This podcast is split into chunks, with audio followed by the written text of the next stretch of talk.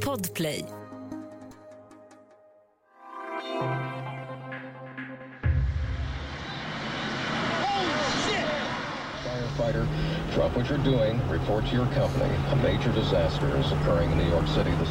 Det dröjde inte länge efter attackerna i USA den 11 september förrän misstankarna föll på terrornätverket al-Qaida. Inte mycket längre tid tog det innan helt andra teorier fördes fram. Och 11 september kom att inleda inte bara en ny era av krigföring utan också av desinformation. Välkommen till Studio DN. Jag heter Sanna Thorén Björling.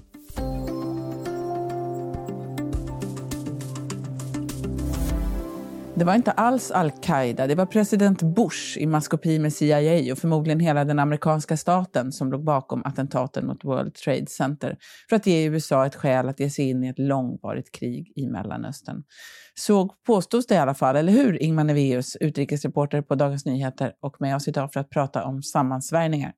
Eh, ja, precis. World Trade Center hann inte mer än rasa innan det kom en mängd av sådana här konspirationsteorier. Precis som du nämner så gick många av dem ut på att det inte alls var al-Qaida, utan det, eller åtminstone att USAs egen regering och ledning var liksom medbrottslingar i det här.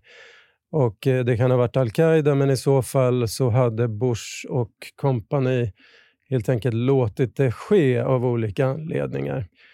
Eh, det fanns andra ännu vildare teorier om att de här flygplanen inte var några flygplan utan det var hologram som eh, liksom dolde missiler då som skulle ha skickats eh, av USAs eh, militär då på order av Bush till exempel. Det finns en hel och, och väldigt vildvuxen flora då av den här typen av konspirationsteorier som växte fram väldigt, väldigt fort. Man misstänkte väl också, eller man, många som trodde att, de här, att husen inte hade ra, rasat ihop på grund av flygplanen, utan att det måste ha varit en bomb. Va? Exakt, det, det var liksom, det är kanske det mest... Eh, den teori som har uppmärksammats allra mest och som liksom har visat sig väldigt eh, uthållig. Även om den, precis som alla andra, har eh, motbevisats. Eh, det är just det att man hävdar då att Eh, Eh, det måste ha varit en kontrollerad sprängning, ungefär som när man eh, river ett stort hus, där man spränger det medvetet. Och eh, Då har man hävdat att det går liksom inte, ett plan som kraschar in i sånt här torn kan inte orsaka att det rasar. Det, som jag sa då så har det motbevisats och det, det är så att det kan det visst. Det, det, det blir en följd av dels explosionen när det, planet kraschar dels den enorma värme då som uppstår när det brinner en massa flygbränsle, vilket får stålkonstruktionen att försvagas och så småningom rasa ihop. Det här har man eh, gjort experiment och vetenskapsmän har liksom gått i god för att eh, det är så här. Du var ju redaktör på utrikesredaktionen. Eh, det var ju en väldigt dramatisk tid, men minns du någonting av när det här började komma från redaktionsmiljön? Absolut, precis som eh, nästan alla andra så minns jag ju det. Vi kom gående på DN som då en våning som vi inte längre är på. Där var det tv-skärmar. Då såg man det här första planet. Jag kommer ihåg att vi alla uppfattade det som ett väldigt litet, kanske något privatplan. Det var ju ändå en spektakulär händelse. Liksom. Men, ja, sen när det andra planet eh, störtade in i det andra, det var ju då alla liksom insåg att det här är ett terrordåd. Jag minns att vi gjorde faktiskt en väldigt, väldigt bra papperstidning eh, då till den 12 september och alla var verkligen på tårna. Mm. De här, eh, om vi backar lite då eh, till de här konspirationsteorierna som sen dök upp. Eh, kan du bara påminna oss lite om hur man definierar en konspirationsteori? Ja, alltså en konspirationsteori är ju en enkel, förenklad förklaring som man kan ta till sig. En förenklad förklaring till stora spektakulära händelser i en liksom, kanske kaotisk och svårförklarlig värld. Man identifierar en skurk, någon, någon som ligger bakom det här, eh, det här attentatet eller den här pandemin eller vad det kan vara. Och den här skurken, det är liksom en elit.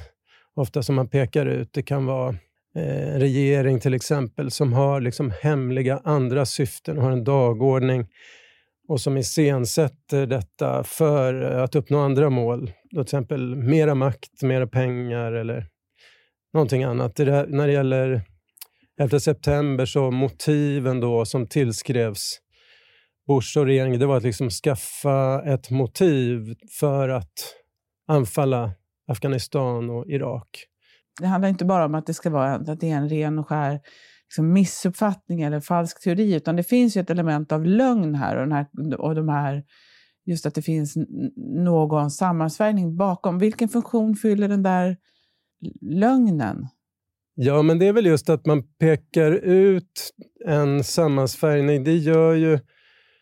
Jag menar, det, det finns en skillnad. Det finns ju en massa eh, myter, liksom att Elvis Presley lever och så vidare, men det, det är en annan sak. Eh, men när man ser en konspiration, en sammansvärjning, då ger ju det också eh, liksom möjligheten att hitta en förklaring till saker man kanske är, är missnöjd med i sitt eget liv eller eh, man liksom hittar, eh, man får en syndabock. Mm. En, en, en, förklaring. Det är liksom en, ja, ja, jag kommer ingen vart här i livet, men det, det är liksom de här onda eliterna som, som stoppar det, de som eh, liksom vill ha världsherravälde och så vidare. Så på det sättet blir det en slags eh, liksom snuttefilt av det hela. Mm.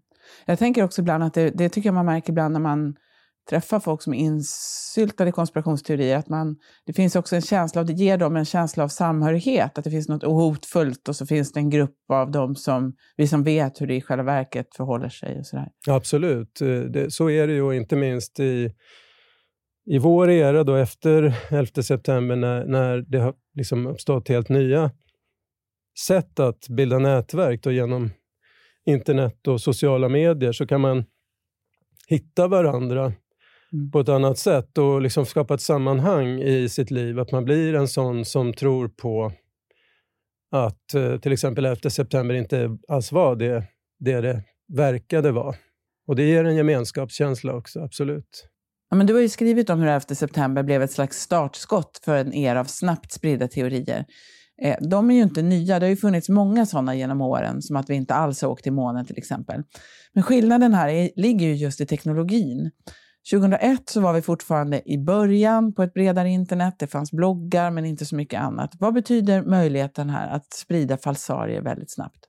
Jo, men det, det, det är såklart helt eh, centralt. och... Eh, det var ju liksom en historisk omständighet då, som gjorde att man kan se det här som liksom de moderna konspirationsteoriernas moder. Alltså det, det var den första stora konspirationsteorin som fick möjligheten då, några, några år senare i alla fall att spridas eh, effektivt eh, genom internet och genom...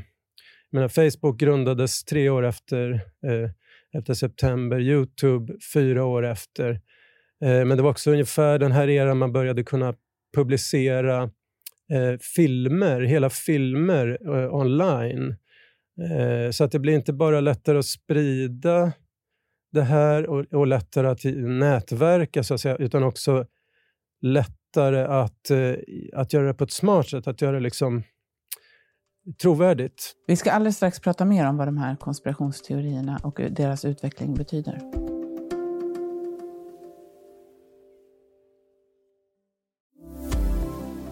Vi pratar med Ingmar Neveus idag i Studio DN, utrikesreporter. Vi pratar också om konspirationsteorier och vad som har hänt efter den 11 september.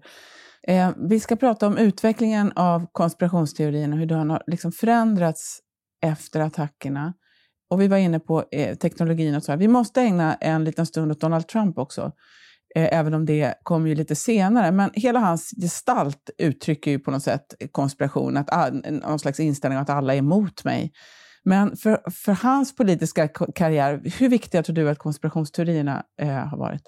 Ja, extremt viktiga. Jag menar, han fick ju sitt politiska... Han var ju redan en känd eh, dokusåpafigur och eh, affärsman, arvtagare. Liksom I politiken blev ju det här det man kallar birther-rörelsen hans genombrott. Det var ju den här falska uppfattningen att Barack Obama var en slags smygmuslim. Han var inte född i USA utan i Kenya, vilket skulle gjort det olagligt för honom att kandidera till att bli USAs president och så vidare. Eh, de här lögnerna blev liksom Trump en, en väldigt högprofilerad eh, talesman för. Och eh, Man kan argumentera för att det var liksom det som förde in honom i, i eh, politiken på ett sätt som gjorde det möjligt för honom att bli president 2016. Sen avslutade han ju som vi alla minns eh, sin bana, politiska bana då genom eh, också konspirationsteorier, nämligen den om att valet som han förlorade skulle ha varit eh, fusk och eh, eh ogiltigt. Så att hela hans tid liksom, vid makten präglades ju av att han åtminstone uppmuntrade en mängd, som den här Qanon-rörelsen. Han var ju även en ganska viktig del i att det finns en sån utbredd skepsis då när det gäller vaccin och själva eh, coronapandemin, att den skulle liksom ha varit någon medvetet spridd av Kina eller ja, liknande saker. Så att, eh, absolut. Det är lite intressant det där, att, eh, det som du var inne på tidigare, att det finns ju ofta ett starkt element av avståndstagande mot staten och makten om det är politikerna eller om det är någon finansiell makt som George Soros eller religiös, där man ofta pekar ut personer med judisk bakgrund till exempel. Och sen att Donald Trump själv, ju, i och med att han blev vald, så blev han ju en del av makten. Men eh, det spelar ju liksom ingen roll i det här. Du nämnde antivaxrörelsen. Hur, eh, det är ju spännande tycker jag, för att den, man kan ju se den som att den står separat, men det gör den ju inte riktigt. Hur, hur, hur passar den in här, tycker du? Ja, men för det första kan man säga att eh, ehm, 11 september vid början på en tid då delvis tack vare teknologi, då, internet, då folk har kunnat liksom omfatta många konspirationsteorier samtidigt och göra det nästan till en livsstil eller en, en liksom syn på världen. Och eh, det är ju så att eh, de här rörelserna liksom är inte separata utan eh, idag så finns det ju många, de som, det, till exempel nu i dagarna hålls det konferenser och en filmfestival då bland de här rörelsen som eh, tvivlar på 11 september-dåden. Och på, sam- på programmet står det också punkter om eh, pandemin och hur den eh, skulle vara liksom en bluff och så vidare. Eller att vaccineringen är livsfarlig eller verkningslös. Så att det är liksom det som 11 september-konspirationerna gjorde var ju att liksom skapa en Eh, ja, det finns vissa, jag talade med en amerikansk journalist som kallar det, det börjar närma sig en religion. Eh, det här att liksom omfatta samtidigt en mängd konspirationsteorier. Och där har du liksom den röda tråden mellan 11 september och vaccinmotstånd till exempel.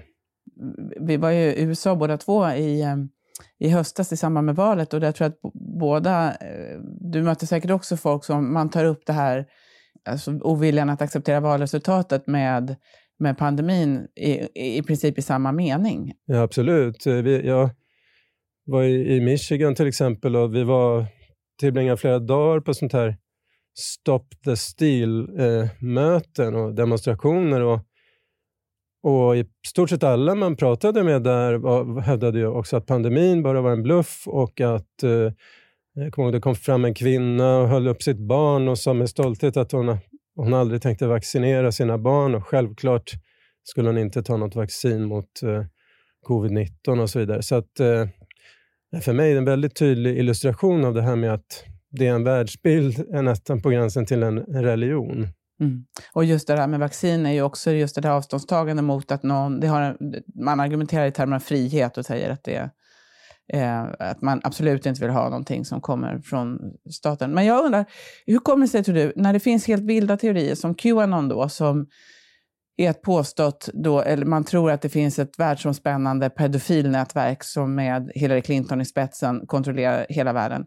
Va, hur kan folk tro på det här? Ja, du, alltså det, det är ju bland de mer vilda konspirationsteorierna Eh, och jag måste erkänna, jag är också förvånad att det har så många anhängare, men delvis är det ju eh, Donald Trump då, som har uppmuntrat det här, det, det, handlar ju om honom. Han är ju the good guy i, i Qanons eh, världsbild. Och de här eh, påve Franciscus, Barack Obama, Hillary Clinton är de onda då som det är, en, det är en slags skruvad version av det här som också började 11 september, att det liksom man kallar deep state. Eh, alltså det är någon slags sammansvärjning inom regeringen och staten. Eh, att man absolut inte kan tro på någonting som, eh, som staten gör. Det, var liksom, det fick ett genombrott i 11 september, konspirationsteorierna. Och man kan väl se Qanon som är liksom en extrem version av det. då där man liksom kryddar med de här uppgifterna om, om pedofili och, och så. Och det, det ledde ju också till, det har ju också lett till alltså rent fysiska, verkliga eh, attacker i Washington bland annat. Eh, jag tänker att det också har att göra med att man eh, möjligheten att skapa bubblor där man isolerar sig är mycket större nu än vad det var eh, förr. Eh, men man kanske också ska påminna om att det faktiskt inte bara är högerextremister här, utan det finns ju liksom, någon slags alternativa rörelser åt, i alla riktningar, eller hur? Ja, absolut. Det, det är ju många som, som lockas av den här förenklade världsbilden. Och, det, och till exempel det här jag nämnde i den filmfestivalen i Oakland då, om, på de här temat både 11 september och pandemin och så. Den, eh, om jag tittar på programmet där, är en väldigt tydlig vänsterprägel. Alltså det, de man anklagar, den, här, den elit man anklagar där är liksom en ekonomisk elit, storfinans och liksom nyliberalism och så vidare. Sen har vi exemplet här som vi på DN skrev om för inte så länge sedan att i Sverige omfattas till exempel Qanon och, eh, och pandemimyter av, av liksom den nyandliga rörelsen representanter för den, alltså new age. Det kan vara yogalärare och, och healers. Och, alltså inte personer man normalt förknippar med högerextremism i alla fall. Men jag måste också, i vilken grad tror du att det här avståndstagandet från, från staten som vi ser i flera länder runt om eh, hänger samman med, med de här konspirationsteorierna? Och, och, är det det som är det stora avtrycket eller den stora konsekvensen? Eller? Ja, alltså vad är hönan och vad är ägget? Men, men, men visst är det så att eh, ja, framväxten av eh, högerpopulism och, och eh, minskande förtroende för eh, auktoriteter, experter, regeringar och så, alltså i alla fall eh, nära släkt med eh, konspirationsteorier och den sortens politiker som här i, i Europa har vi ju Viktor Orbán i Ungern och Jarosław Kaczynski i Polen, så de eh, arbetar ju mycket med konspirationsteorier. Så att eh, det är nog en verklighet som är här för att stanna. Mm. Stort tack för att du var med idag, Ingmar. Tack. Vill du komma i kontakt med oss så gör du lättast genom att mejla till studiodn dn.se. Studio DN görs för Podplay av producent Sabina Marmelaka, ljudtekniker Patrik Miesenberger och tekniker Jonas Lindskog, Bauer Media. Jag heter Sanna Thorén Björling.